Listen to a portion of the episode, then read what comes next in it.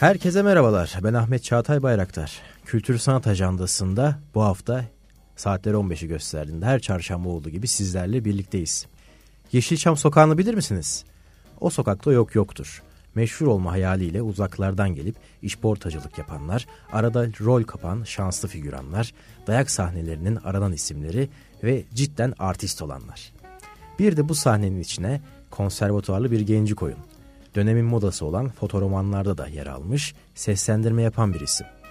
1977'de Ankara Devlet Konservatuarı tiyatro bölümünden mezun olan, doğduğu ve büyüdüğü Bursa'da Halk Eğitim Merkezi'ne tiyatro eğitimi alan, sahneye çıkan ve Bursa Devlet Tiyatrosu'nun açtığı Ferayicizade Mehmet Şakir kursunda eğitim alan bir genç.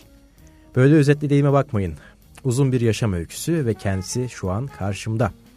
Ekim 2021'de 30. sahneleme yılını kutlayan kontrabas oyunuyla özdeşleşen bir isim aynı zamanda Metin Belgin. Kendisiyle kontrabası elbet konuşacağız. Fakat kendisinin kaleme aldığı ve girişte belirttiğim o kısacık macerayı konu alan iki kitabı konuşacağız. Literatür yayınlarından çıkan Aralık 2022'de raflarda buluşan Acıklı Güldürü ve 2021 Nisan'da yayınlanan Sinemasal. Kendisiyle kişisel olarak tanışıklığımda aslında şu an İstanbul Sinema Müzesi olarak hizmet veren küçük sahnede yine bir kontrabas oyunu çıkışında elinize sağlık hocam demiştim ve sağ ol eyvallah demişti. Hoş geldiniz. Hoş bulduk. E sen programı bitirdin zaten. Öyle bir özetledin ki bitti. ben ne anlatacağım şimdi? Anlatacak o kadar çok şey var, var ki. Var var tabii ki. Dolu dolu iki kitap boyunca hem Yeşilçam'ı hem tiyatroyu hem seslendirmeyi birçok alandaki e, sanatı bizlerle buluşturuyorsunuz, anlatıyorsunuz ve cidden aslında bizde eksik olan o yazılı kültüre de büyük bir katkıda bulunuyorsunuz. Bunun için öncelikle kendi adıma teşekkür etmek istiyorum. Rica ederim. Ben de e, kontrbası izleyen bir e, genç seyirci olarak sana teşekkür ediyorum. Yıllar öncesinde küçük sahnede buluşmuşuz ne güzel. Evet. E, benim için de çok özel bir sahneydi küçük sahne. Bunu daha sonra anlatırız tiyatro kısmına geçince. Ben o demin açılışta söz ettiğin ta 80'li yılların başına e, İstanbul'daki Yeşilçam dediğimiz sinema dünyasından başlayayım o zaman konuşmaya ki ilk kitabın e, anıları da Yeşilçam ve televizyon dünyası aynı zamanda da seslendirmeyi kapsayan anılardı. E, o yüzden de adını renkli Türkçe sinemasal koydum. E, benim e, çocukluğumda siyah beyaz filmler vardı. Sonra şunu hatırlıyorum ben. E, filmin adını tam net çıkaramasam da şu anda bir Zeki Müren filminin kısmen renkli olduğunu hatırlıyorum. Yani siyah beyaz sahnelerden oluşan sadece onun konser verdiği bölümlerin renkli çekildiği ve afişinde de kısmen renkli diye yazılmış bir film hatırlıyorum. Daha sonrasında da e, renkli filmler e, çoğaldıkça da afişlerde özellikle renkli Türkçe diye belirtilirdi. Bu yabancı filmler için de daha çok geçerliydi. Ben de oradan e, gönderme yaparak sinemasal yaptım kitabın adını. Açılışta söylediğin gibi ta işte 1960'ların e, ortalarında küçük bir çocukken televizyon dünyamızda yokken daha henüz televizyonla tanışmamışken sadece görsel olarak bizim e, iki sanatla e, iletişimimiz vardı. Bir tanesi sinema, diğeri de tiyatro. Tabii ki ben çocukken e, çok film izledim. Özellikle Bursa'da e, gençliğimin geçtiğinden söz etmiştin. Bursa'da Tayyare sineması vardır bilenler bilirler. E, orada iki film birden gösterilirdi. İki e, yerli film diyelim Yeşilçam üretimi filmler. Ve bunlar e, 11 seansıyla başlar akşama kadar devam ederdi. Ben e, kardeşlerimle giderdim o sinemaya. Çocukken 11 seansına giderdik. Ve e, iki filmi izledikten sonra arada sanki yer göstericilerden kaçarak böyle başka yerden girip başka koltuklara oturarak iki kere daha izlerdik filmi. Yani ben e, filmleri ezberlemeyi severdim çocukken. Bir de şöyle bir şey olurdu işte kitapta da söyledim. Cüneyt Arkın'ın Malkoçoğlu'nu izlemişsin falan. Çıkıyorsun o çocuk halinle kendini Malkoçoğlu falan sanıyorsun. Özdeşleşiyorsun o rollerle, o karakterlerle. E, onların taklitleri başladı. Sonrasında da tabii bu arada Ahmet Vefik Paşa Devlet Tiyatrosu var Bursa'da. E, orada çocuk oyunlarını izleyerek bir taraftan da e, tiyatro ile olan ilgimi geliştiriyorum. Süreç böyle gelişirken orayı biraz hızlı atlayacağım. Başta anlattın zaten. Sonrasında şunu söylemeliyim. 1971 yılında Bursa'daki o halk eğitim merkezi, Oda Tiyatrosu'ndan o gelenekten gelen halk eğitim merkezinde Turgut Özakman'ın Ocak oyunuyla orada e, evin en küçük oğlu Özcan rolüyle sahne tozunu yutmaya başlıyorum. Sonrasında da işte e, 1979 yılında İstanbul'a gelerek o dediğin e, Yeşilçam'ın dünyasına kendimi e, bir anda bırakıyorum. Peki ailenin tutumunu merak ediyorum. Hani genelde sanata karşı e, bir tutum hikayesi vardır sanatçıların yaşamında. Ailenizin tutumu ne yönde oldu? Ailemin tutumu tabii şöyle, e, babamın çevresi, özellikle babamın e, iş dünyasındaki arkadaşları tiyatroculara iyi gözle bakmazdı o yıllarda. 1960'lı yıllardan söz ediyorum. Hı. E, ve ben işte 60'lı yılların sonunda böyle amatörce demin söz ettiğim gibi evde küçük küçük oyunlar sergilerdik ya da arkadaşlarını davet ettiği zaman onlar da bizi izlerdi. Bu çok hoş karşılanırdı çünkü ben çocukluğumdan beri kafama elektronik mühendisliğini takmıştım ve elektronik mühendisi olmak istiyordum. Hep seçilir ya çocukken ne olmak istiyorsun falan işte kimi doktor şu bu derken ben de elektriği çok seviyordum. Hatta babamın bir arkadaşı vardı. Ben ilkokul 3. sınıftan itibaren e, onun e, radyo tamircisinin yanında aynı zamanda pikap üreticisiydi o. E, bunları öğrenmiştim. Yani çok benim için inanılmaz başka ufuklar açan bir şeydi ve ben gerçekten de elektronik mühendisi olmak istiyordum o yaşlarda. Fakat sonra demin sözüne ettiğim sahne tozundan sonra benim bütün düşüncelerim değişti ve ben tiyatrocu olacağım diye ısrar etmeye başladım. Tabii burada annemin etkisi çok büyüktü. Annem benim tarafımdaydı. Babam arkadaşlarının tarafındaydı. Aile ikiye bölünmüştü. Evet. Bir kısmı beni destekliyordu, bir kısmı da ne yapacaksın sen? Yani çadır tiyatrosu imajı var o zaman. Ya tiyatro bambaşka bir şey. Fakat e, şöyle e, ben yırttım ve bu olayı yendim sanıyorum. E, ben konservatuvar okuyacağım dediğimde nasıl yani? E, tiyatro okulu var. Ankara'da tek okul o zaman. Ankara Devlet Konservatuvarı. E, bu bilgiye kimse sahip değil. Ben okullu tiyatrocu olacağım dediğim zaman sesler biraz kısılmaya başladı. Sonra okullu tiyatrocu olup tekrar Bursa'ya e, devlet tiyatrosu oyuncusu olarak döndüğüm zaman da alkışlamaya başladılar tabii. Cidden tiyatronun bir okulu olması ona ayrı bir prestij katmış. Gerçekten öyle çünkü e, bu herkesin bildiği bir şeydir ama tekrarlamakta yarar var. Osmanlı döneminde tiyatroyu tabii ki e, bizde işte o ekaliyet takımı Ermeni sanatçılar yaptığı için Güllü Agob'u biliyoruz biz. E, tiyatro yapan en önemli tiyatro sanatçısı olarak. E, onlar yaptığı için o dönemde şahitliği kabul edilmiyor tiyatrocunun. Böyle bir imaj var e, toplumun üzerinde. E, tabii bir de şöyle bir şey var. Ben yıllar sonra devlet tiyatrosuna girdikten sonra da bunu gördüm.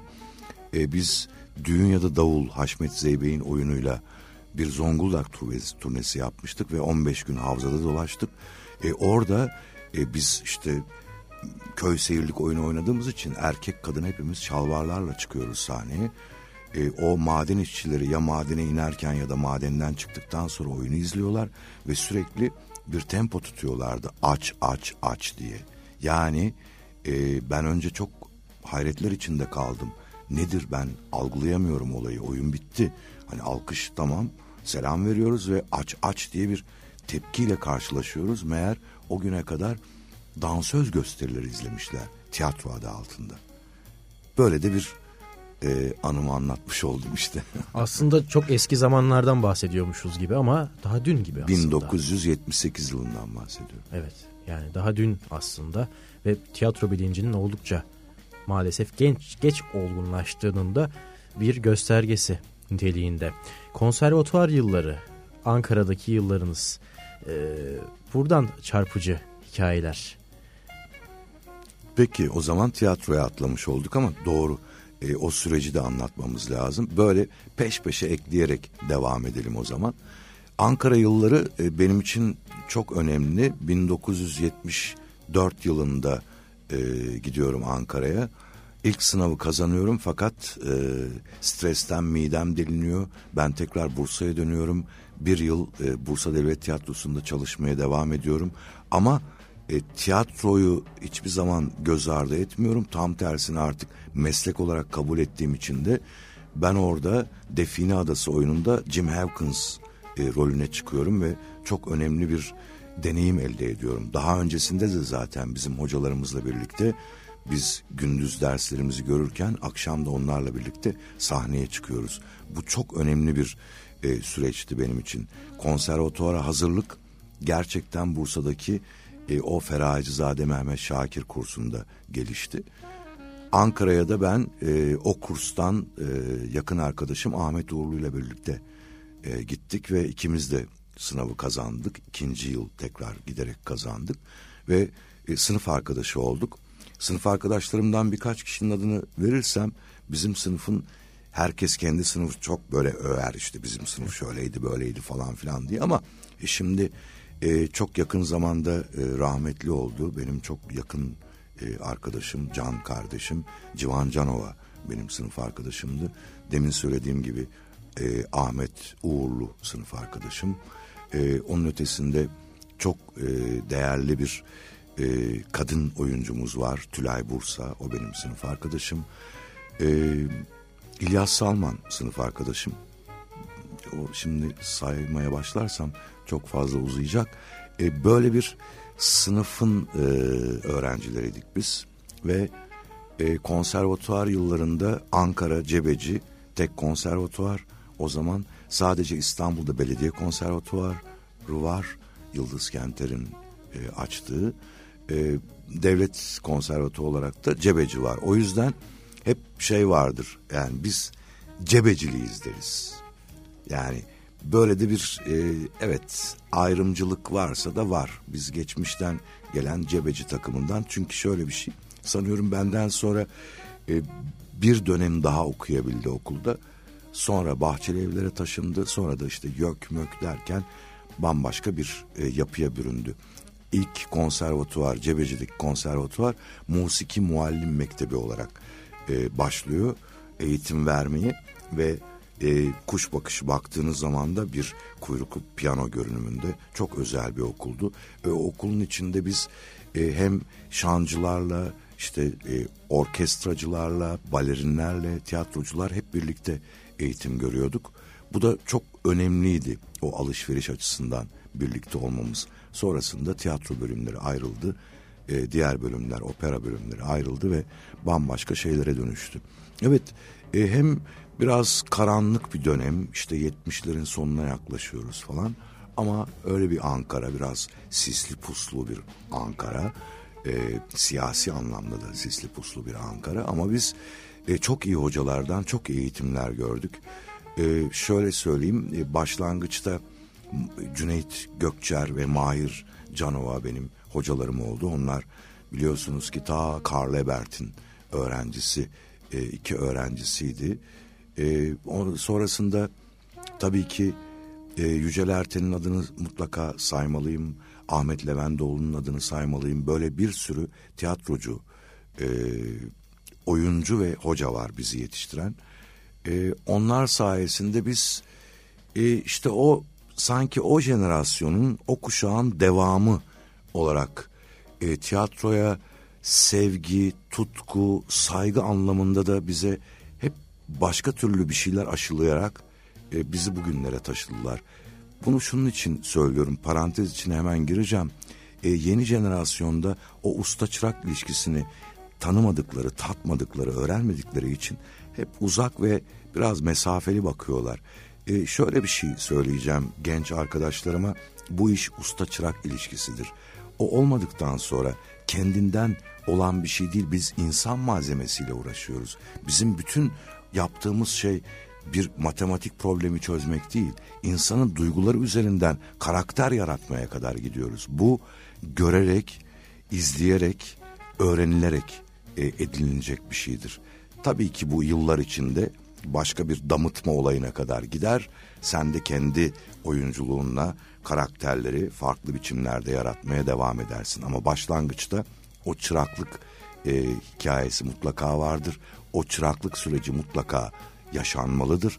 Ben kendimden menkulüm, ben oldum gibi bir şey biz hiçbir zaman o zaman düşünmemiştik. Hep izleyerek hocalarımızı, abilerimizi, ablalarımızı izleyerek bu süreci yaşamıştık. Benim için gerçekten iyi ki böyle bir süreci yaşamışım diyorum. Çok kıymetli çünkü bu yaşadıklarım. Sahiden de hani insan malzemesi dendiği zaman aslında tüm meslek dallarında olduğu gibi usta çırak ilişkisinin sağlıklı bir şekilde olması gerektiğinin e, hatırlatmış olduk. Cidden de e, şu anki tiyatrocular e, ne yapar ne düşünür bilmiyorum ama her anlamda usta çırak ilişkisinin besleyici olduğunu e, unutmamak gerekiyor ve elimizden geldiğince o ustalardan kapabildiğimiz kadar bilgiyi kapmamız da şart bence. Kalmadı tabii ki. Ne yazık ki benim demin saydığım adların e, hiçbir tanesi şu anda bir kısmı e, hayatta değil ve bir kısmı da zaten meslekten uzaklaşmış, kendi köşelerine çekilmişler. Çok az insan şu anda e, hocalık yapıyor.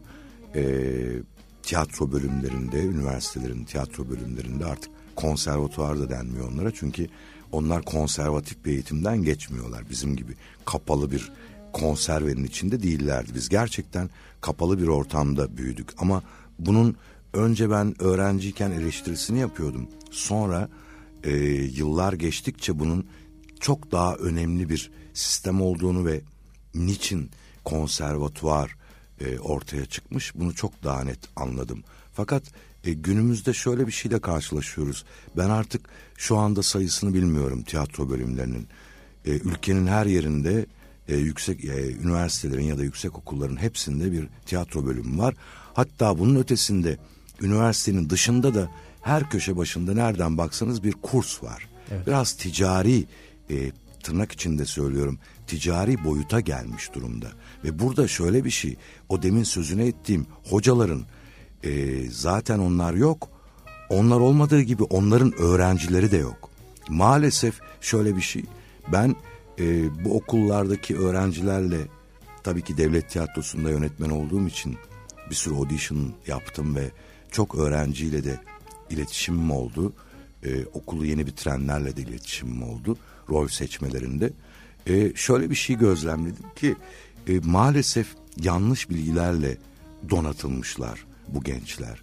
Nedeni de şu tabii ki öğrenciyi özel e, yetenek sınavıyla sınava sokuyorsunuz ve öyle alıyorsunuz bölümlere. Peki bu hocaları da sınava sokuyor musunuz acaba? Hayır. Onlar kendilerinden menkul, kendilerine hoca diyen bunu e, tabii ki gerçek hocaları dışarıda tutarak söylüyorum ama sayıları çok fazla. Neyse biraz e, germeyelim şu anda bizi dinleyenleri. Ama ben bu söyleyeceğimi söylemek istedim. Gerçekten bunun e, çok iyi irdelenmesi gerekiyor. Ben o işte e, üniversite sahiplerinden ya da rektörlerden neyse yöneticilerden de rica ederek söylüyorum. Lütfen o yetenek sınavını hocalara da uygulayın. O halde bir nitelik artışı özür diliyorum nicelik artışı nitelik artışını doğurmuyor. Hı hı. Çünkü cidden dikkatimizi çeken bir durum. Her e, noktada tiyatroya olan ilginin artışı noktasında aslında güzel bir gösterge, iyi niyetli Tabii. bakmaya çalışırsak. Çünkü insanlar oyuncu olmak istiyor. Tiyatroya daha yakın, o sahnede gördüğü o sanata daha yakın olmak için belki de o eğitimlere almak istiyor. Fakat bir yandan da bir nitelik düşüşüyle söz konusu olabiliyor. Bunu da aslında e, değerlendirmiş olduk bir nevi. Evet yani ben en azından e, benim tiyatro ile ilgili bir derdimdi bu. Onu e, sizlerle ve sizin aracılığınızla da zaten dinleyicilerimizle de paylaşmış olduk. Gayet de güzel oldu. E, ve e, bahsettiğiniz bu maden işçileriyle hani o devlet tiyatrosu macerası nasıl başladı ve nasıl devam etti? Anadolu'daki gözlemleriniz neler gördünüz ve İstanbul macerası nasıl başladı? Tamam o zaman şey çok güzel. E, tabii ki ben e, Bursa'da tiyatro yaparak yani hı. bir bölgede bir taşrada tiyatro yaparak başladım. E, fakat biz o 70'li yıllardaki oyunlara baktığımız zaman gerçekten Shakespeare'in Hırçın Kızı, e, işte Molière'den adaptasyonlar, Ahmet Vefik Paşa'nın Merakisi, işte e, bir e, İspanyol yazarın bir oyunu çok e, repertuar olarak baktığımız zaman çok zengin, çok gelişmiş bir repertuarı Bursa seyircisiyle buluşturuyorduk. Ve bunu yaparken de çeşitli yerlere turneler yapıyorduk. Tabii burada yine bir parantez açarak şunu belirteyim bilmeyen dinleyicilerimiz için. Ee, eskiden sadece Ankara'da bir merkez var devlet tiyatrosu olarak. Ee, Bursa 1958 yılında açılıyor ve İzmir Devlet Tiyatrosu var. Bu üç sahne arasında sürekli bir e, dönerek oyunlar oynanıyor. Yani Ankara'da oyun başlıyor. Bir ay sonra Bursa'ya turneye gidiyor. Bursa'da turnedeyken yeni bir oyun çalışıyorlar. O yeni oyunla İzmir'e gidiyorlar. İzmir'de başlatıyorlar. Böylesine bir rotasyonla dönüyor ve daha sonrasında da bölgeler açılıyor. Şu anda 12 e, bölgeye çıkmış durumda devlet tiyatrosu ve daha çok turneler aracılığıyla seyirciyle buluşma şansına sahipti o zamanlar. İşte biz de o 15 gün havzaya giderek oradaki maden işçilerine en azından e, tiyatronun bir çadır tiyatrosu olmadığı, gerçek bir e, tiyatronun e, bir köy seyirlik oyununun bile ve farklı bir e, profesyonellikte oynanması gerektiğini göstermiş olduk. En azından öncü olduk ilk kez giderek. Bunun dışında devlet tiyatrosunun bence amaçlarından bir tanesi de buydu. E, bölgelerde hem oranın gençleriyle buluşmak, buluşturmak tiyatroyu ve o gençleri yetiştirmek, onlardan oyuncu yaparak da profesyonelliği elde etmek. İşte Bursa Devlet'teki Bursa Devlet Tiyatrosu'ndaki o e, Feracizade Mehmet Şakir kursu bence pilot bir uygulamaydı sanki ve o sayede de e, Bursa'dan birçok e, oyuncu arkadaşım e, devlet tiyatrosuna ya da farklı tiyatrolarda ya da farklı mecralarda oyuncu olarak, yönetmen olarak görev almayı sürdürdüler. Evet, devlet tiyatrosunda ben iki yıl çalıştıktan sonra 1979 yılında artık sinema e, yapmanın bir e, ne diyeyim ona heyecanına kapılmıştım. E, çünkü benim için sinemada çok önemliydi ve mutlaka sinemada sadece oyunculuk değil sinemanın başka her departmanında çalışmak üzere ben İstanbul'a geldim. Tabii İstanbul'a geldiğim zaman benim çok fazla tanıdığım yoktu. O nedenle işte o zamanlar eski filmlerde gördüğümüz gibi o figüran kahvelerine giderek oralardan e, rol bulmaya çalıştım. Çünkü beni kimse tanımıyordu. Ben sadece gelmiştim. E, daha henüz tayinim de yapılmamıştı. Sezonda kapalıydı ve ben işte o kahvelere giderek Yeşilçam'la nasıl iletişim kurabilirim? işte o dünyanın içinde nasıl olabilirim diye e, böyle bir deneyim yaşadım ve o sayede de birkaç filmde gerçekten figüranlık yaptım. E, o figüranlarla beraber işte minibüslere tıkıldık, oralara gittik. Sabahtan akşama kadar e, zor koşullarda e, onların hayatının bir anlamda içine dalmış oldum. Daha sonrasında benim e, çok işime yarayacak malzemeler gördüm tabii e, kendi kimliğimi de ortaya çıkarmıyordum. Ben e, devlet tiyatrosu oyuncusuyum falan da demiyordum. Sanki onlardan biriymişim gibi onlar hangi koşullarda çalışıyorlarsa ben de aynı koşullarda çalışarak o dünyanın e, aslında o ekranlarda ya da beyaz perdede görülen bize anlatılan renkli bir dünya değil gerçekten siyah beyaz hatta simsiyah bir dünya olduğunu keşfettim. Peki demediniz mi ben konservatuvar okudum, konservatuvar e, bitirdim Ankara'da ve e, burada ve aynı zamanda devlet tiyatrosu sanatçısıyım. E, fakat burada figüranlarla aynı muameleyi görüyorum diye bir kendi kendinize içsel bir çatışma yaşamış mıydınız? Hayır yaşamadım çünkü o dünyayı ben seçmiştim. Ben e, tiyatro dünyasında zaten e, konumumu belirlemiştim ve orada ne olacağımla ilgili hocalarımdan derslerimi almıştım, bilgilerimi almıştım ve kendimi nasıl geliştireceğimi biliyordum. Hı hı. Fakat sinema dünyasında bir okul olmadığı için tamamen deneme yanılma ve işte ne bileyim o zamanlar popüler olanlar daha doğrusu seçiliyor. İşte kapak yıldızları var. E, dergilerden e, kapak yıldızları seçiliyor. Yani sinema dünyasına daldığımız zaman ben şimdi tarihçesini anlatmak istemiyorum. Ama 70'li yıllara baktığımızda o işte 60'lı yılların çok popüler bir Yeşilçam geleneği yılda 300 filme kadar üretilen o süreçten geçilerek yavaş yavaş onlar eksilmeye başlıyor. Bir taraftan renkli film çekiliyor ama seyirciyle buluşması eskisi kadar çok yaygın değil. Biraz daha yavaşlıyor. Zaten birkaç yıl sonra da sanıyorum e, Yeşilçam artık karanlığa gömülecek gerçek anlamda ve işte o e, seyircinin kaçtığı sadece erotik filmlerin üretildiği bir sürece dönüşecek Yeşilçam. İşte tam ona ben çeyrek kala galiba e, o kapıdan içeri girmeye çalıştım. Evet, evet. O süreci, o karanlık süreci yaşamış oldum. Tam da ucu ucuna ve fotoğraman döneminde yaşıyorsunuz. Ha evet doğru. Ki mesela Saklambaç dergisi e, bizi dinleyenler baksınlar lütfen.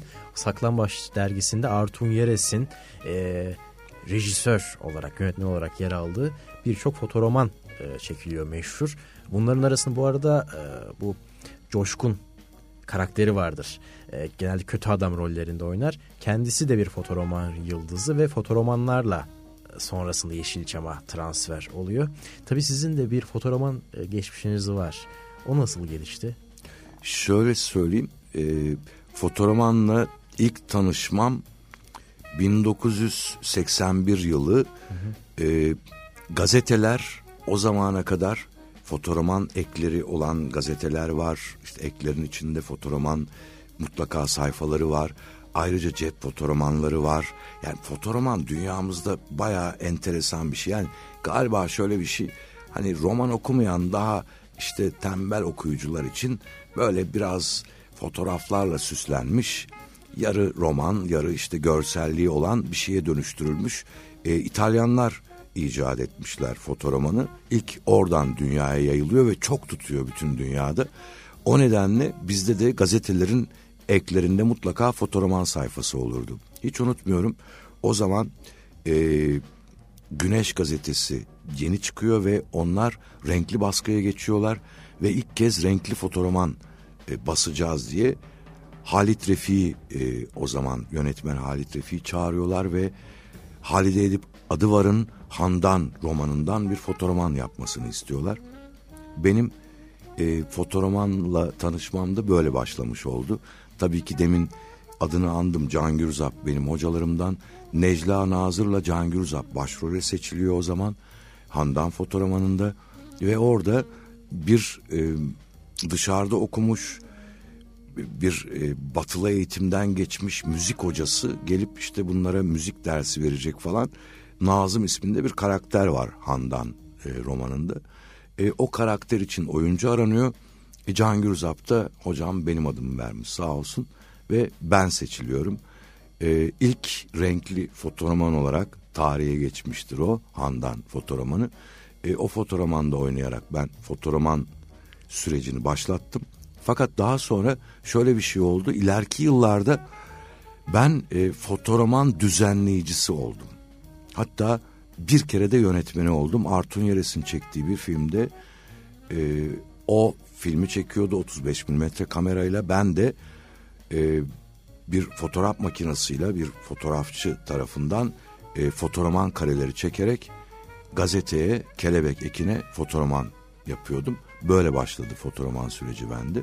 Daha sonra Ateşten Günler e, dizisi e, yine bir gazetenin eki olarak e, sunulmuştu izleyicilere. Şimdi karıştırıyorum dinleyiciler, izleyiciler, seyirciler, sayın seyirciler. Çok yönlü olunca. Değil mi? Her şey oluyor. Neyse evet orada da ben onun fotoğramanını yaptım. Yani birçok fotoğramanı daha doğrusu şöyle söyleyeyim ben eski Türk filmlerinden e, çekilmiş filmlerin çok az lobi fotoğrafları vardır. E, onlar sadece tanıtım amaçlıdır.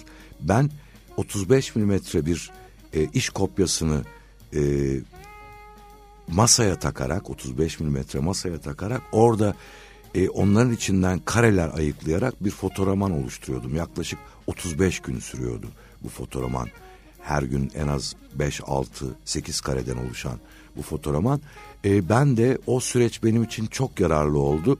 Bir taraftan ekonomik anlamda e, bana katkısı oluyordu ama asıl katkısı ben e, kurguyu öğrendim o masa sayesinde. Kesip biçmelerle hatta zaman zaman şöyle de kurgu olsaydı deyip başka başka kesip biçiyordum. Zaten o iş kopyasıydı. Başka bir işe yaramayacaktı. Kesilip doğranan bir şeydi. Benim e, eğitimim oldu diyebilirim. Kendi kendime eğitimim oldu. Otoroman dönemi de cidden e, tembel okuyucu için bir kitap okuma veya bir şeyler okuma vesilesi olan bir güzel aslında bir geçiş dönemi değil mi? Evet gerçekten öyle. E, demin sözünü ettim Halit Refi ile başladık Handan fotoğrafını çekmeye fakat Halit Refi o kadar titiz bir yönetmendi ki biz günde 5-6 kare zor çekiyorduk. Çünkü o sinema gibi bakıyordu olaya. E, hemen ertesi günü o bıraktı işi ben bu işi yapamayacağım dedi. Bu işin uzmanı gelsin dedi Arda Uskan. Arda Uskan geldi. Arda Uskan. Arda Uskan da e, o dönemde Hey dergisine fotoğraman çeken e, biz ona son Mohikan derdik. Gerçekten çok ilginç bir adamdı. Ne açıdan? E, Arda Uskan bir kere gazeteci, e, fotoğramancılığa daha sonra başlamış. Daha doğrusu şöyle Hey dergisi onu o zamanlar Cannes Film Festivali'ne gönderiyor. O Cannes Film Festivali'nde e, birçok ünlü oyuncunun fotoğraflarını çekip sonra üzerine senaryo yazıp onlardan bir fotoğraman üretip Hey dergisine basıyordu ve biz Hey dergisinde heyecanla o müzik dergisinde işte çok ünlülerle çekilmiş bir fotoğraman izliyorduk sanki ama aslında Arda Özkan gidip orada hatıra fotoğraflarını tamamen fotoğrama dönüştü, fotoğramana dönüştüren ilginç bir çalışma yapıyordu aslında. Arda'yı da böylece anmış olduk. Ee, çok uzun zaman önce o da aramızdan ayrıldı. Kendisini çok severdim, çok şey öğrendim ondan. O halde e, sinema yönetmenliği ile fotoğrafman yönetmenliği de farklı dallar diyebilir miyiz? Tabii ki, tabii ki. Mutlaka. Ayrı bir uzmanlık gerektiriyor. E, mutlaka mi? çok farklı. E, şöyle e, sinemada tabii ki biz yönetmenliği nasıl e, algıladığımıza bağlı. Yani Hı. günümüzden bakarsak günümüzde tabii ki e, otör yönetmenler artık var ama geçmişte baktığımızda yani Yeşilçam sinemasına baktığımızda biz çok az e, kendi dünyasını kuran yönetmenle karşılaşıyoruz. Nedenine gelince şimdi o dünyanın içinde biz e, Yeşilçam filmlerinin birebir taklitlerini çeken bir sinemayız aslında. E tabii ki bunlar içinde yönetmen bulunamıyor. İşte ne bileyim e, yönetmen aranırken diyorlar ki ya işte makinist var orada film seyrediyor yüzlerce film seyretti en iyi o çeker deyip makinisti oradan indirip yönetmen yapıyor bizim sinemamız. Ya da işte bir muhasebeci bakın burada adı vereceğim Lütfü Akat aslında bir muhasebeci ama daha önce tiyatro yapmış tiyatro dekorları yapmış sanatla ilgilenen e, bir filmin birkaç sahnesini çektiği için Vurun Kahpeye filminde ilk kez ona yönetmenlik veriliyor. Çok başarılı olduğu için sonra kendi sinemasını yaratarak otör sinemacılardan biri oluyor Lütfü Akat. E Metin Erksan çok önemli sinemacılarımızdan bir tanesi ama onun çektiği filmleri hiçbir zaman vizyona sokmuyor o zamanki yapı. Neden? Sevmek zamanı. Şimdi herkes e, mutlaka internette karşılaşmıştır.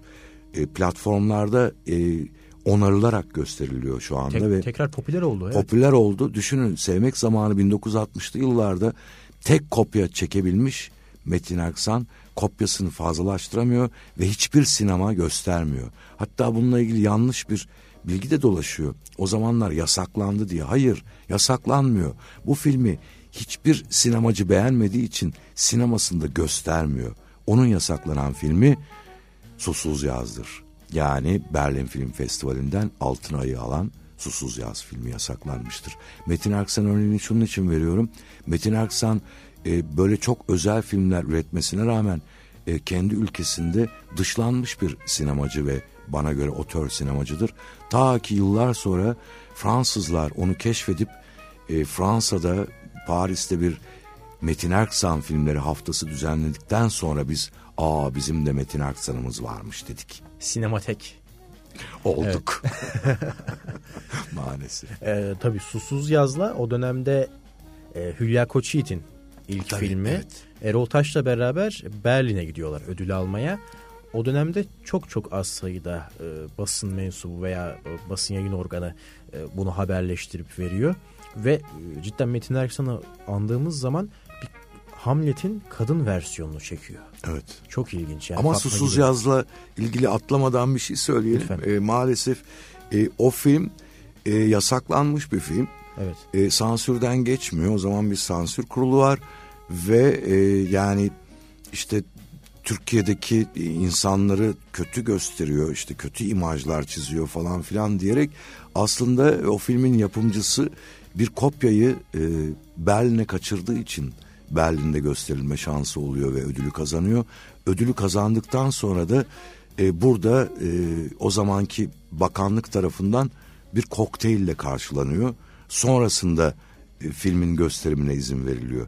Metin Aksan'ın böyle dertli bir dünyası var aslında. Hem derdini anlatmak için e, çok iyi bir e, gözlemci, bir e, otör sinemacı ama başına da hep sansürle dertler gelmiş, başı derde girmiş sinemacılardan bir tanesi. Bir de hani sinemacı dediniz ya e, örneğin Sevmek Zamanı filmini beğenmedik. O oradaki sayın dinleyenler hani oradaki sinemacılar e, sinema eleştirmenleri Hayır değil. değil tabii. E, işte sizin de bahsettiğiniz gibi karanlık Yeşilçam'ın karanlık noktalarından birisi. O sinemacılar cidden sinema salonu sahibi Evet. sanatla alakası olmayan sırf para kazanmak için o salonları açmış kişiler hatta Türkiye'yi belli bölgelere ayırarak her bölgede kendi hakimiyetlerini e, ilan ederek istedikleri oyuncuların yer aldığı filmleri adeta sipariş eden isimler. Doğru. Ondan dolayı bu otör e, kavramı bizde maalesef cılız kaldı ve daha yeni yeni keşfediyoruz. Siz de Sadri Alışık'la mesela çalışma imkanı buluyorsunuz. Evet. O Yeşilçam'ın karanlık dönemlerinin biraz öncesinde.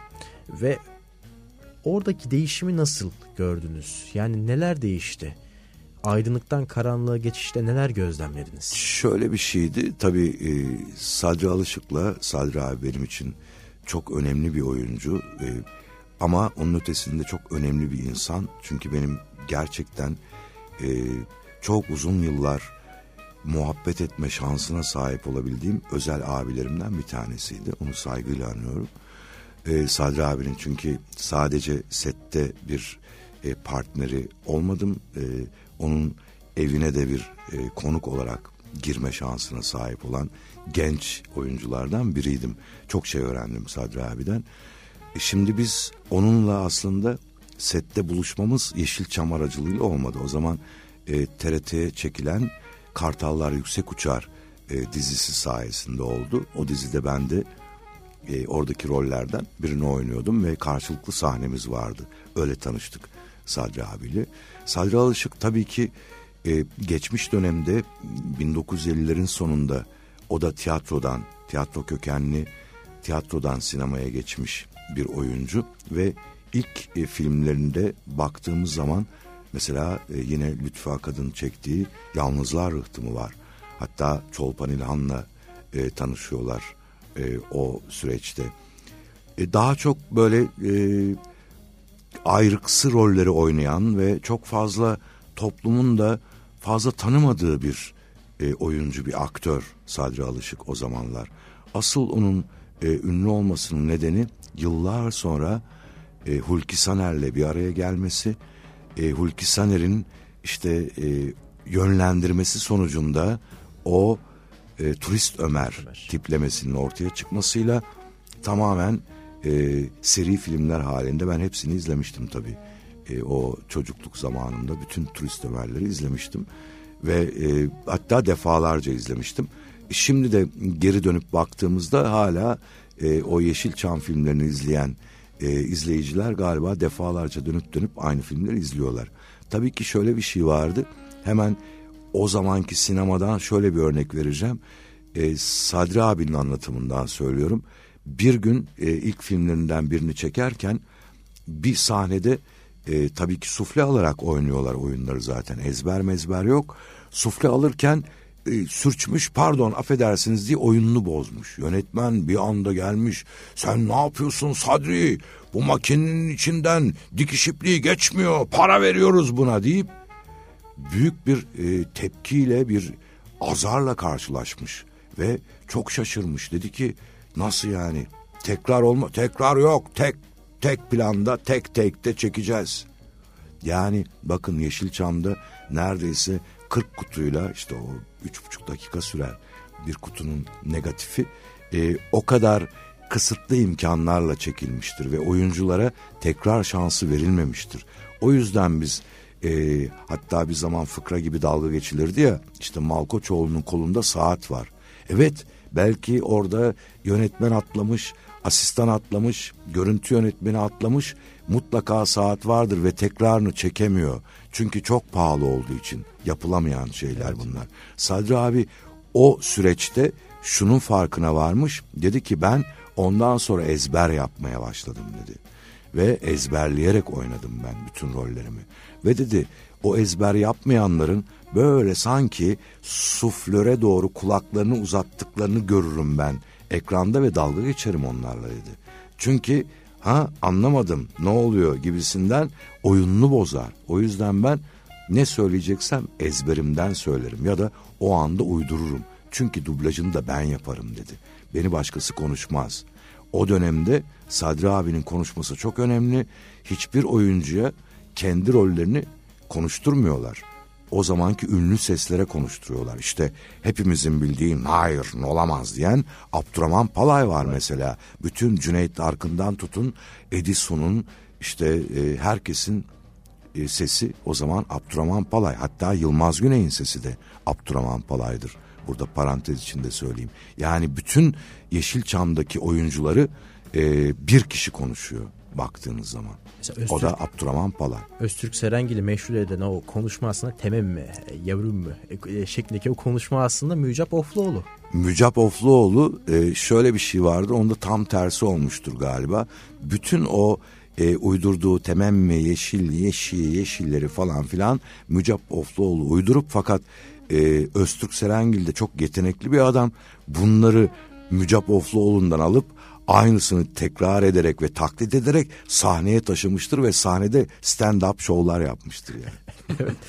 Cidden o dublaj zamanları değil mi? Evet dublaj zamanları e, Sadri abi şöyle dedi ki ben çok küçük rollerde böyle kompozisyonlar oynadığım için o zamanlar seslerini çıkarmadılar benim konuşmama. Tabii ki ben büyük roller oynamaya başlayınca da benim sesim artık seyirci tarafından kabul edilmişti ve oturmuştu. O nedenle başkasını konuşturamadılar dedi. Ha ben şöyle yapardım dedi. Baktım ki eğer e, sahnede tek planda çekilmiş o. Eğer orada bir tempo düşüklüğü varsa dublajda ben onu yukarı çıkartırdım diye kendi kendine ayarlar vermiş, ince ayarlar çekmiş bir oyuncudan bahsediyoruz. Saygıyla anıyorum. Cidden bu vesileyle de anmış olalım. Cidden e, değerli bir isim ve bu arada Kartallar Yüksek Uçar'ın senaristinin de Atilla İlhan olduğunu da hatırlatalım. TRT'nin ilk dizilerinin e, senaristlerinden birisi Atilla İlhan. Çok yönlü sanatçılarımızdan birisi. Ve aynı zamanda e, Yeşilçam Sokağı'nın içerisinde bu TRT'nin gelişmesiyle beraber e, sizin de dublajla alakalı uğraşılarınız, çalışmalarınız var. Siz de direkt olarak dublajda dublaj emekçisi olarak yer alıyorsunuz. Başlangıçta ben tabii çok korkuyordum. Ee, bizim aslında Ankara'da e, yine TRT'nin e, dublajları çok yoğun bir şekilde yapılıyordu. O zaman Mithat Paşa e, stüdyoları vardı ve dublajlar orada yapılırdı. Fakat ben e, o Ankara'da konservatuvarda okurken hiç dublaj yapma şansını elde edememiştim. Çok da fazla üzerinde durmamıştım zaten. Daha doğrusu o zamanlar sesimi hiç beğenmiyordum. Benim sesim dublajda olmaz herhalde falan Cidden diye mi? düşündüm. Gerçekten o zaman öyle düşünüyordum. Çünkü şöyle bir şey var işte o zamanlar 18 16, 17, 18 yaşlar biraz da böyle işte o ergenlik çağında sesler değişir, hafif çatlamalar başlar bilmem ne falan filan. Evet. O süreçte galiba hiç beğenmiyordum. Hatta mikrofondan sesimi duyduğum zaman da kendime e, biraz tepki gösteriyordum. Hatta nefret ediyordum sesimden diyebilirim. Neyse İstanbul'a geldikten sonra ben e, ilk loop dublaj dediğimiz dinleyicilerimize şöyle anlatabiliriz onu. Yani e, bir bütün olarak efekti, müziği ve sesiyle birer dakikalık ya da 30 saniyelik parçalar halinde oluşan dublajlar. Çünkü teknik öyleydi o zaman. Dijital bir dünya yok. Analog olarak ancak böyle alınabiliyordu ve burada şöyle bir e, zorluk vardı. Bir e, lafı kaçırdığınız zaman bütün olarak yeniden o efektler, o müzikler ve ta başından itibaren bir dakika konuşan belki başrol konuşmacısı o konuşmayı bir dakika süresince tekrarlamak zorundaydı. Böylesine stresli bir ortamdı. Yani ben sadece bir şey sorulacak ve evet efendim diyeceğim. E, e, e evet efendim diyemezsem ve orada dilim sürçerse benden önce konuşan o başrol e, konuşmacısı o Abdurrahman Palay bir e, işte uzun paragrafı sayfa boyunca. Tekrar bir dakika konuşmak zorunda kalıyordu ki bu çok ciddi stresli bir ortamdı. Ben e, Abdurrahman Palay'la hiç çalışmadım hı hı. ama adını vermek istemediğim e, kitapta da Alen Delon, Alen abi diye e, tanımladığım bir abiyle çalışırken o bana çünkü şöyle bir şey elimizde tekst de yok o zaman e, bir çeviri metni de yok. Yönetmen sadece bir altyazı kadar çeviri veriyor ve sen orada uydurup o ağza uydurum uydurup ağza kondurmak zorundasın ve düzgün bir şekilde oturtmak zorundasın dublajı. Çok zor bir işti. Ben tabii e, ilkinde çok heyecanlandım. Yaprak gibi titriyorum. E, sözümü veremedim. İkincisinde söyleyeceğimi şaşırdım. Çünkü karşıdan başka bir soru geldi falan filan derken ben ilk dublajı e, başarısızlıkla tamamlayamadan bıraktım ve teşekkür ederek o stüdyodan ayrıldım. Sonrasında iki buçuk ay e, TRT'nin Kuru Çeşme stüdyolarında sadece bu akvaryumun arkasından dublajı izleyerek e, bu olayın nasıl olduğunu tabii oraya gittiğim zaman teknik gelişmişti. En azından kulaklıkla pilot sesleri duyuyordunuz. Yani oyuncular ne konuşuyorsa İngilizcesini Fransızcasını duyuyordunuz. Ve e, sonrasında da onun üzerine elinizde hem metne bakarak hem de ekrana bakarak onun duygularıyla örtüşen bir takım e, sesler çıkararak e, dublaj yapıyorduk. Ben böyle başladım.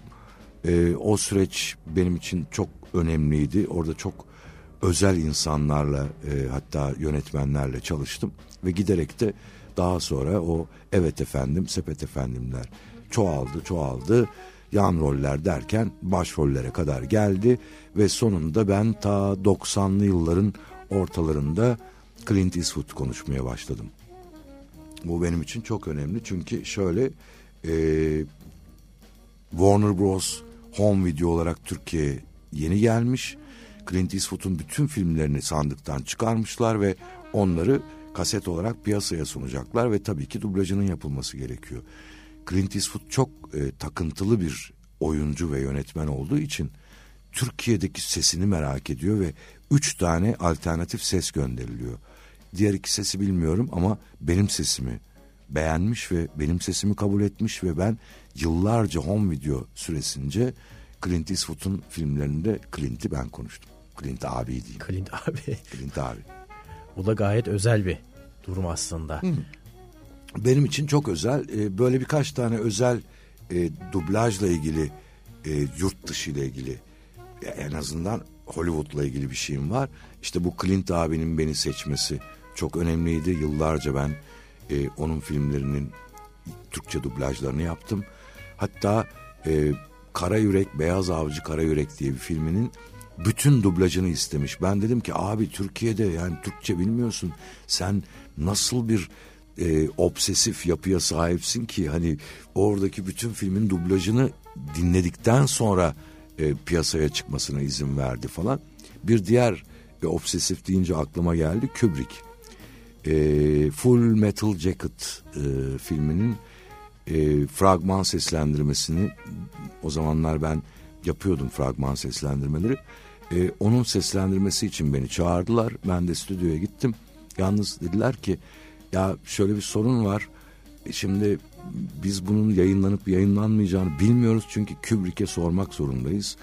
E, Stanley abi oradan dinleyecek yani bu sesi ve eğer onaylarsa e, senin kaşeni ödeyeceğiz dediler. Dedim ki Stanley Kubrick benim e, sesimi dinleyecekse kaşe maşe istemiyorum. Gerçekten benim için heyecan verici falan. Neyse ben bir hafta uykum uyumadım.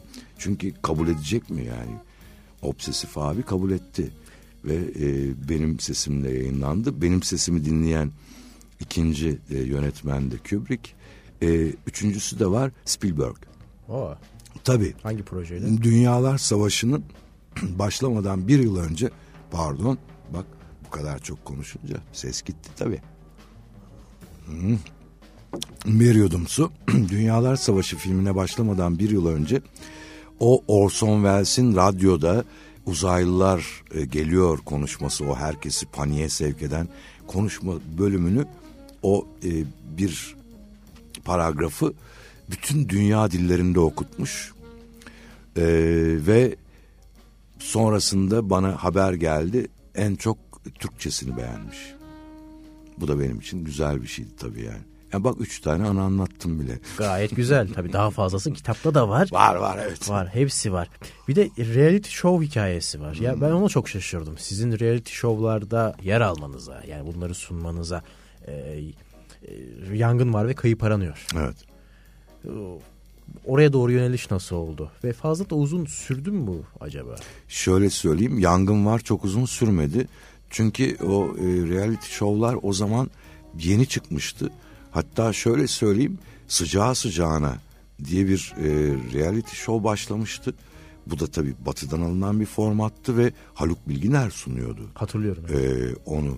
Sonrasında e, valla bana nasıl teklif geldi onu tam hatırlamıyorum ama galiba yapımcılar e, o ara ben dublaja gidip geldiğim için stüdyoya beni tercih etmişler, seçmişler.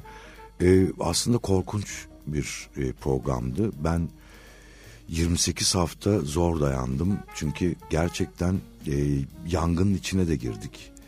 Yani hatta şöyle bir kameramanla beraber bir kimyasal bir e, boya üretilen fabrika yanıyordu.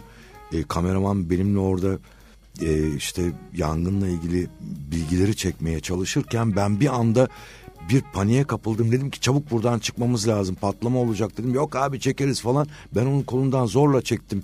Karşı kaldırıma attım. Arkamızdan patlama oldu. İkimiz birden ölecektik biz o yangının içinde. E, böyle e, stresli, çok beni geren, e, çok da hoşuma gitmeyen bir programdı. Biraz da ekonomik nedenlerle yapıyordum programı. E, fakat sonra baktım ki bu yangınla ilgili itfaiyecilerle konuşuyorum.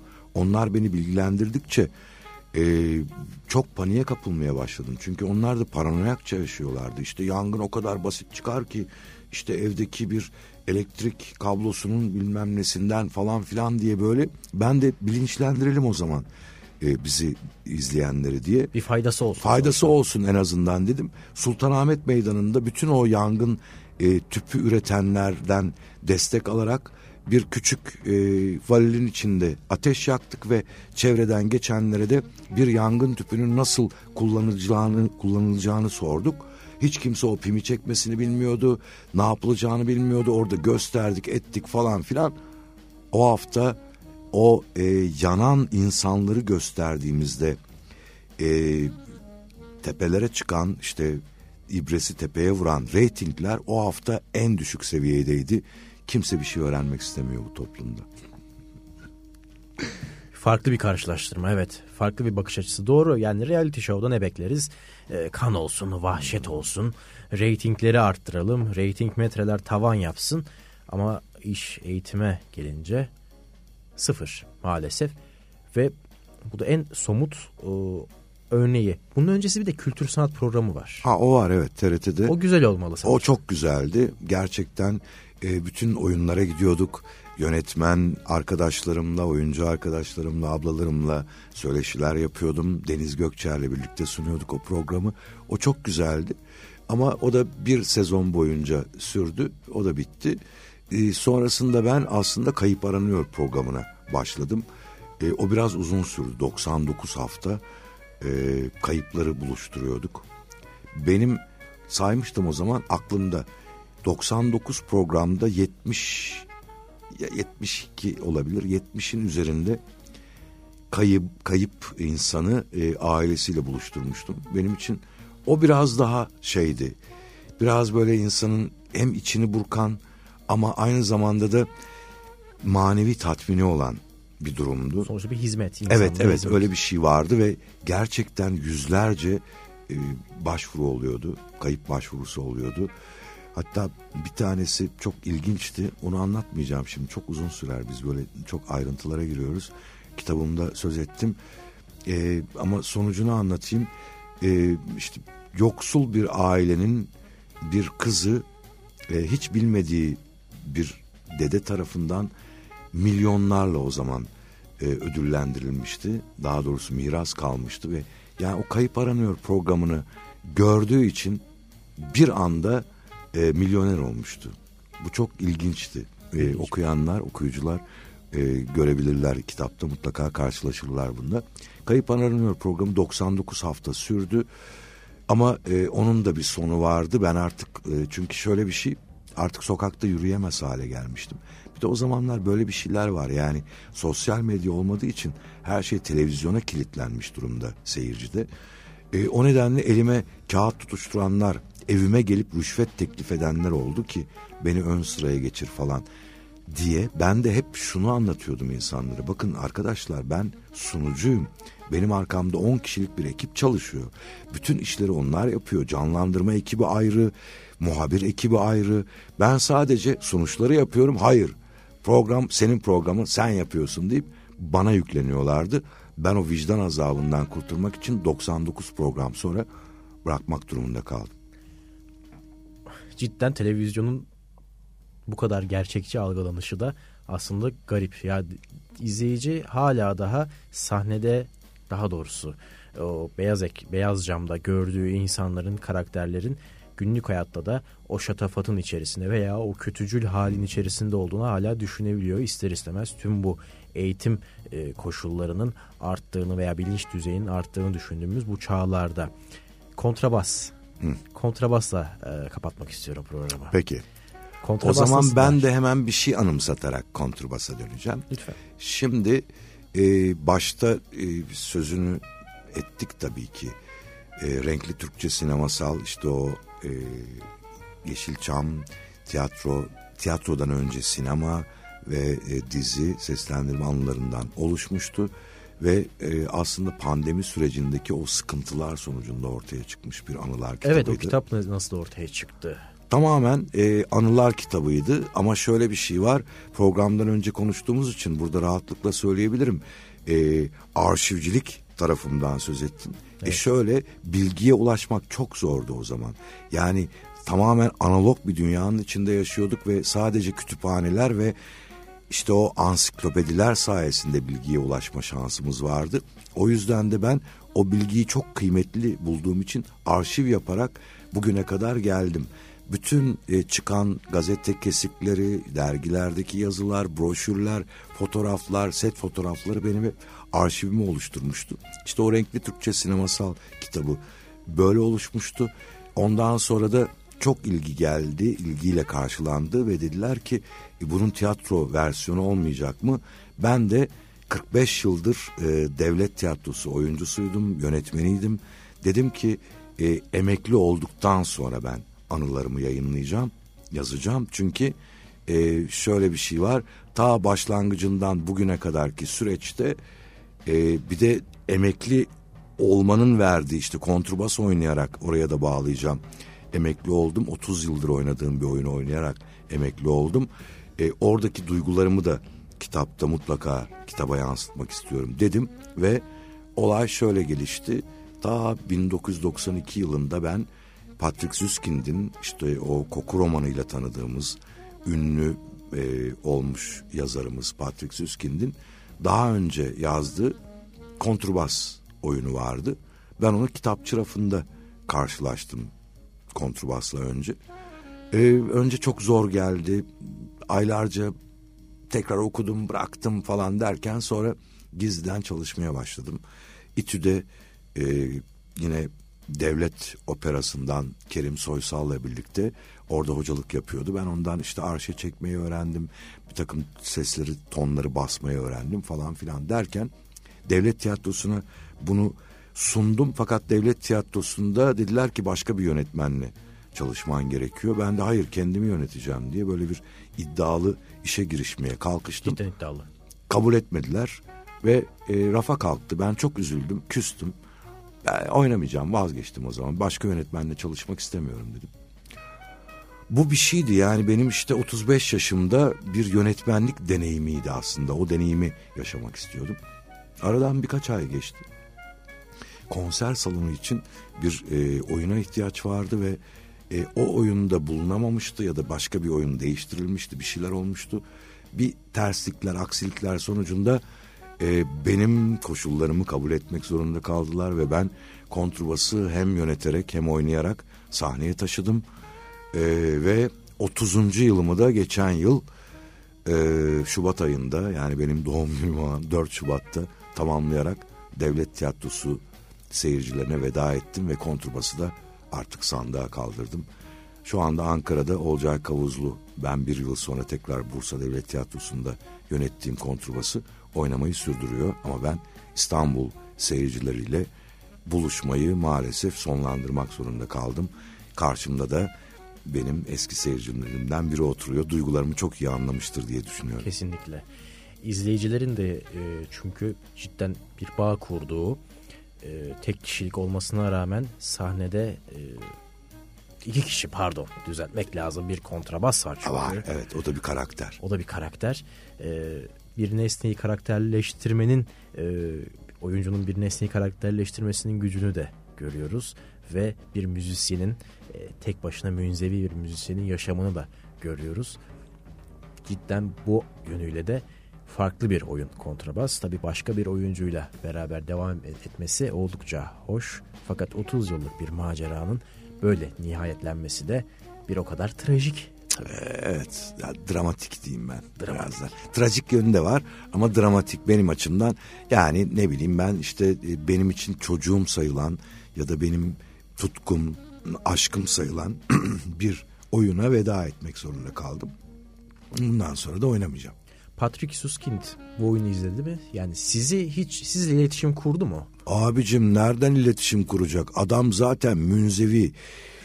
Ee, bir Alman olmasına rağmen Güney Fransa'da bir e, köyde yaşıyor ve e, köylüler yıllar önce ona köstebek adını takıyorlar. Çünkü hiç insanlarla iletişimi yok. Yani gidip marketten alışveriş ederken bile iletişim kurmuyor. Hatta e, onun elimizde bir ya da iki kare bir yakın plan fotoğrafı var. E, portresi var. Onun dışında paparaziler peşine düşmüşler. Adamla ilgili çok fazla bilgi yok. Kendi sadece CV'sini yazmış bildiğimiz kadarıyla kitapta ne varsa o kadarı var. Onun dışında hiçbir bilgiye ulaşamıyoruz. O kontrbasta yazdığı gibi münzevi kendisini kapatan, yalnız yaşayan, tek başına yaşayan bir adam. Yılda birkaç kez arkadaşlarıyla buluştuğunu biliyoruz. O nedenle kimseyle iletişim kurmuyor. Dünyada hiçbir oynayan diğer oyuncularla da iletişim kurduğunu sanmıyorum. Ama ben hala iletişim kurma derdindeyim. Bakalım hala. bir gün gerçekleştirir miyim bilemiyorum ama bu kadar zor bir adamla iletişim kurmak da gerçekten çok zor bir şey olsa gerek. Peki kontrabas çalmayı biliyor musun? Hayır bilmiyorum. E, o da şöyle gelişti. İşte demin İTÜ'den söz ettim. Benim e, devlet operasındaki kontrbasçı arkadaşım sonrasında hocam oldu. Kerim Soysal'dan söz ettim. Tabii ki o bana öğretmişti. Ben de bir ara heveslendim. Dedim ki hocam ben de gelsem de şunun e, öğrencisi olsam dedim. E, yani şekerim yedi yıla ihtiyacım var dedi. Kaç 7 yıl oldu? yani 4-7 yıl üstüne de e, evet iki koyduk değil mi? 30'a bağlandı. Yani 4 kere mezun olmuşum ben konservatuvardan, İTÜ'den. E, maalesef tabii ki ben bu kadar uzun süre oynayacağımı hiç düşünmemiştim. O yüzden de e, birkaç sezonda bu iş biter diye umut et, yani daha doğrusu öyle tasarlamıştım diyeyim. Sonuçta Ama bu umudu bu umudu hiç taşımamıştım ben 30 yıl süreceğini gerçekten hiç düşünmemiştim. Şimdi baktığım zaman şaka gibi geliyor ama 30 yılda az bir zaman değil. Çünkü evet. kaç jenerasyon izledi ve 4-5 kere izleyenler vardı oyunu. Hatta hiç unutmuyorum e, Marmara Üniversitesi'nden bir hoca e, üçüncü kez izlemeye geliyordu ve böyle öğrencileriyle sınıfıyla birlikte gelmişti izlemeye falan. Bunlar beni çok mutlu eden şeylerdi. Yani birkaç jenerasyon e, hatta şöyle söyleyeyim çok e, küçük yaşta izlediğini söyleyen o zaman hiçbir şey anlamamıştık ama şimdi oyunun farkına vardık işte tadını çıkardık falan diyen e, birçok izleyicim oldu. Yıllar sonra tekrar gelip izlediklerinde benimle buluştuklarında benim için de çok e, farklı bir deneyimdi. Ben onu hep laboratuvarım olarak gördüm zaten. Tabii ki e, benim oyunculuğumun e, çok zor bir şey aslında baktığımız zaman hani bir müzik üzerinden bütün hayatı tanımlıyoruz ama klasik müzik üzerinden tanımlıyoruz. Böyle çok da rahat e, insanların birebir iletişim ya da özdeşleşme kuracağı bir oyun değil tabii ki. Ben onu o hale getirmek için seyirciyle uğraşıyordum, didişiyordum. Onları arama almak için hepsiyle e, tek tek diyalog kurmaya çalışıyordum oyunda. Bu da benim için çok farklı bir deneyimdi. Her oyun farklıydı çünkü. Bana diyorlardı ki arkadaşlarım 30 yıldır kaç yüz tane oyun oynadım bıkmadın mı? Hayır bıkmıyordum. Her oyun yeniden başlıyordu ve yeni bir buluşmaydı seyirciyle. Benim için de çok özel, çok bambaşka anılarla dolu bir oyun süreci oldu. Tabii sizi şu an için belki kontrabasta tekrar izleyemeyeceğiz ama iş sanatta yapmış olduğunuz şiir ve öykü dinletileriyle gerek canlı olarak gerek de YouTube'dan İş Sanatı YouTube sayfasından takip edebileceğiz. Bu da güzel bir arşiv niteliği taşıyor aynı Evet zamanda. o da hep uzun yıllardan söz ediyoruz. O da işte 22. yıla girdi. Biz 22 yıldır İş Sanat'ın e, salonunda seyircilerle buluştuk. Sadece bu pandemi sürecinde biz işte o buluşmayı maalesef e, ertelemek zorunda kaldığımız için bir e, görselliğe dönüştürerek e, kamera aracılığıyla ve internet aracılığıyla e, seyirciyle buluşturma şansını elde ettik ama o hem o kanaldan sürmesine rağmen biz artık yasaklar kalktı o rahat ortama geçtiğimiz için bu sezon tekrar başladık ve seyircilerimizle her ay bir öykü ya da bir şiir bir şairin e, seçkisi şiirlerle iş sanatta buluşmaya devam ediyoruz. Anlat anlat bitmez tabii. Bitmez gerçekten bitmez. o kadar çok şey var ki. Çok ayrıntılara da boğulduk galiba. Seyirciyi de sıkmış olabiliriz. Çok uzattık. Yok hayır gayet verimli ve dolu dolu bir program oldu. Peki. İyi ki geldiniz. Çok teşekkür ederim. Ben teşekkür ediyorum davet ettiğin için. Evet hanımlar beyler e, artık önermiyorum. Direkt olarak almanızı rica ediyorum. Acıklı Güldürü ve sinemasal kitapları. Renkli Türkçe sinemasal. Renkli Türkçe sinemasal kitaplarını Metin Belgin kaleme aldı. Kendisine devlet tiyatrolarının kontrabas oyunundan da izlediğiniz, takip ettiğiniz, sevdiğiniz bir oyuncu ve tiyatro üzerine, Yeşilçam üzerine, Yeşilçam'ın gerçeklikleri üzerine birçok anlatısı yer alan bir iki tane kitap. Bu kitaplarla sizlere veda edelim. Ben Ahmet Çağatay Bayraktar. Kültür Sanat Ajandası'nda bu haftayı kapatıyoruz. Haftaya tekrar görüşmek dileğiyle. Hoşçakalın. Kültür Sanat'la kalın.